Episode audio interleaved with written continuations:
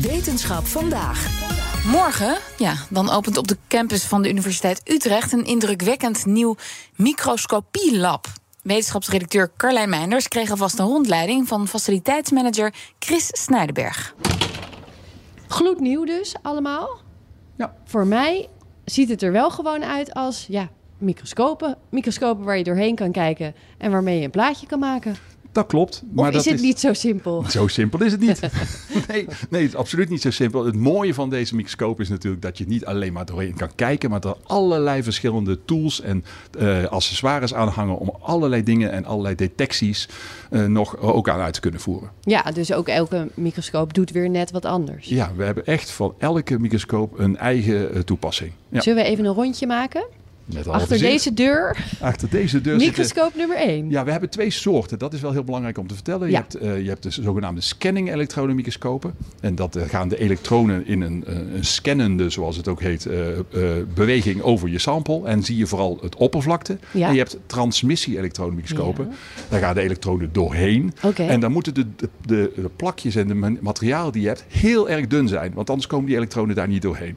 Oké. Wat we hier zien is een microscoop met een van scanning elektronenmicroscoop. Dus de buitenkant bekijken. Ja. Maar hij heeft ook nog iets speciaals. En dat hebben ze, al- ja, zijn allemaal speciaal. Deze eh, is zowel eh, een, een cryo-SEM, maar ook een cryo-FIP-SEM. Wie kent het niet? wie kent het niet? en FIP staat voor Focused Ion Beam. En daar, dat betekent eigenlijk dat je eh, ermee kan graven in je materialen. Oké, waarom zou je dat willen? Je wil soms ook in, vooral dit is een life sciences apparaat, je wil vooral in cellen kunnen kijken. Ook er binnenin kunnen kijken. Niet alleen maar aan de oppervlakte, maar ook erin. En een hele cel is veel te dik om in de Een transmissiemicroscoop te mini stoppen. kleine cel is al veel te dik. Is veel te dik. Oké. Ja, ja. Nee, als we kijken in de transmissie-elektronenmicroscoop, dan kan het van 60 tot 200 nanometer dik zijn. Oké, En een cel is 8 micrometer dik. veel te groot. Veel te groot. Dus plakjes van die cel krijg je Ja, en die kan je ervan afsnijden. En als je dat eh, met, eh, met deze focused ion beam van afsnijdt, dan worden ze dun genoeg om er wel in te kunnen kijken. Ah, dus dat kun je tegelijk doen eigenlijk. Snijden doen. en kijken. Snijden en kijken. En dat hebben ze een naam voor verzonnen. Dat noemen ze ook soms slice and view. Ja, heel Dat- logisch. Dat betekent namelijk plakje snijden, plaatje maken, plakje snijden, plaatje maken. En zo doe je dat. En dat kan deze Dat kan deze. Ja. En wat kun je dan in zo'n cel gaan bekijken bijvoorbeeld? Nou ja, dat is gekoppeld aan een van onze transmissie-elektronenmicroscopen. Daarin gaan we eerst kijken naar de driedimensionale structuur van eiwitten. Wat doen wij? Eh, het voorwerk is eh, soms wekenlang om een bepaald eiwit te isoleren uit een, eh, uit een celpopulatie of wat dan ook. Ja. Dan heb je een gezuiverde oplossing van je, van je eiwit. En dat eiwit dat wordt ingevroren in een heel dun laagje ijs, weer zo, zo dun mogelijk, 100 nanometer dik max. En daar zit dat eiwit in, in het soepje, in alle verschillende oriëntaties. Driedimensionale structuur. Beetje zoals vissen soms vast komen te zitten als in het, meer in één keer Ja, bevriest. en dan zitten ze allemaal op andere oriëntaties. Ja. Als ik nou genoeg foto's zou maken, want een foto is altijd tweedimensionaal, van die eiwitten, dan kan ik met computers terug berekenen hoe de driedimensionale structuur van dat eiwit is. En als ik dat eiwit dan heb gevonden, Ja. dan kan ik weer terug naar die, naar die eh cryo-elektronen SEM, om eh, met het dunne plakje kijken waar zit mijn eiwit in mijn cel. En wat doet hij daar? En wat doet hij daar? Ja, Ja. oké, oké. Dat, dat is al eh, behoorlijk indrukwekkend. We lopen even door de gang verder. Ja.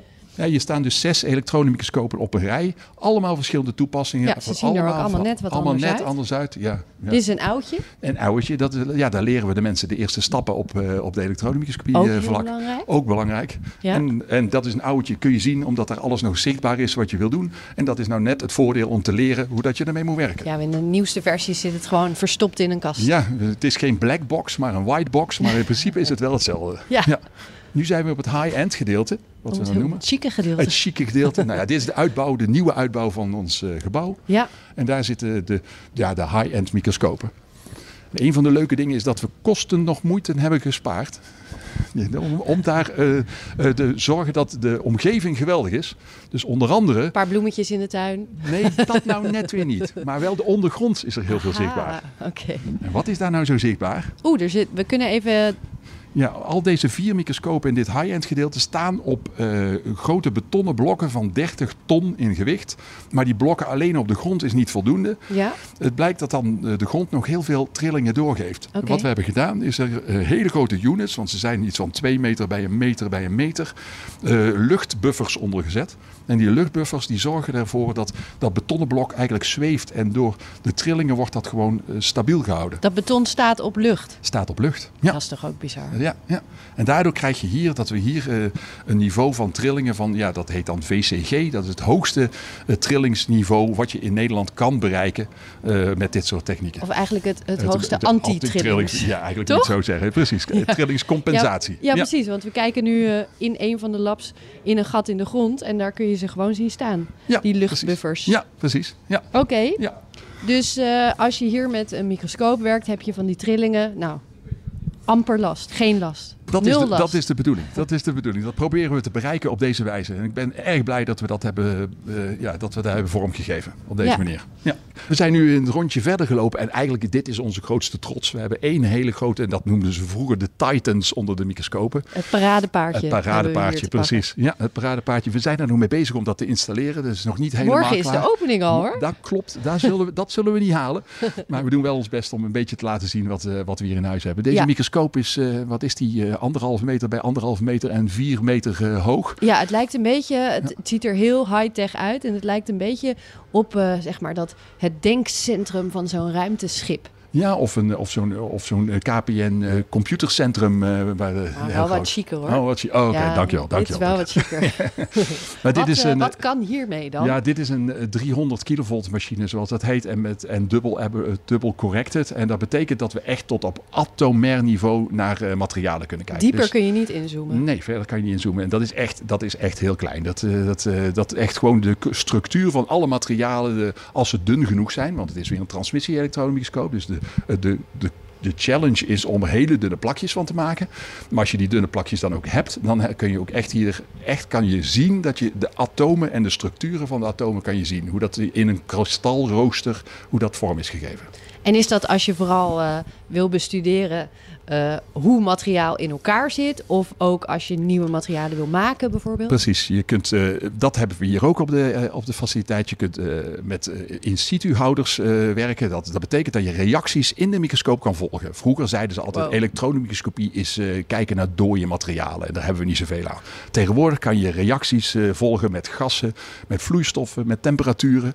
Je kan gewoon kijken en je kan in de microscoop eh, processen volgen en hoe dat sommige eh, met- metalen of materialen gevormd worden in de En dat op het niveau van atomen Atomen. dus. Exact, exact. Ja, ja. zo klein. Eh, er staat hier volgens mij een, een trotse manager. Nee, ik ben erg blij. Ik ben erg blij hoe dat, eh, dat we dit hebben mogen doen hier in Utrecht. En dat ons college van bestuur dit heeft gesupport om hier een EM-centrum te maken van zowel material science als life sciences. Alle microscopen in één faciliteit. En we leren van elkaar hoe dat we hiermee om kunnen gaan. Is dat niet lastig dat, dat iedereen van de hele universiteit al, allemaal hier moet zijn voor het gebruiken van een microscoop? Nou, je hebt ook de voordelen van. De voordeel is ook dat eh, andere mensen van andere faculteiten op jouw microscoop aan het meten zijn. En daarmee meebetalen aan de, aan de onderhoudskosten voor deze, dit wagenpark. Ja, en met, met jouw microscoop het, bedoel je niet dat ze allemaal van jou zelf zijn? Nee, nee, nee. nee. Maar het- zo voelt het wel. Ja, dat snap ik. Nee, elke microscoop is aangevraagd in een subsidieaanvraag. Het zijn allemaal onderzoeksproject. In onderzoeksprojecten, Ja, ja, ja. exact. En dat allemaal hebben ze een, een andere eigenaar.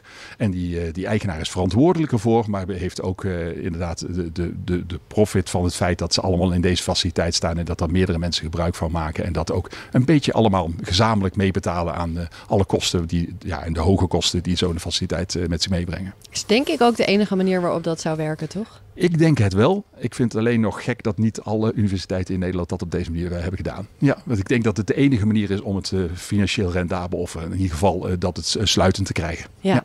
Een microscopenlab met een businessmodel. Daar lijkt het op, precies. Het is net Ja. echt, het is gewoon een kleine toko binnen de hele universiteit, dat klopt. Ja. Ja, zelf En- draaiend. En morgen, wat voor dag wordt morgen? Morgen gaan we eh, vieren dat we dit hebben vormgegeven. En eh, eh, onze minister van Onderwijs en Wetenschappen komt ook langs om, om de feestelijke opening te doen. We zijn er blij mee dat hij langskomt en dat hij ook de moeite neemt om hier naartoe te komen. Ja. En ja, dat eh, wordt een feestje. En ook tot zelfs morgenavond ook nog. Wat? Drinken we Er er is nog. gewoon een is feestje gewoon tot een feest morgenavond? daarna. Ja. Met de minister. Ja, dat gaan we doen. Ik wens jullie alvast een hele mooie opening. Dankjewel, dankjewel. Je hoorde Carlijn Meinders vanuit het gloednieuwe microscopielab van de Universiteit Utrecht. En ze was in gesprek met Chris Snijdenberg. Ook Diana Matroos vind je in de BNR-app. Ja, inderdaad. Je kunt live naar mij luisteren tijdens de Big Five. Ook handig in de BNR-app. Breaking nieuwsmeldingen, maar ook het allerlaatste zakelijke nieuws. En je vindt in de app alle BNR-podcasts, waaronder Wetenschap Vandaag. Download nu de gratis BNR-app en blijf scherp.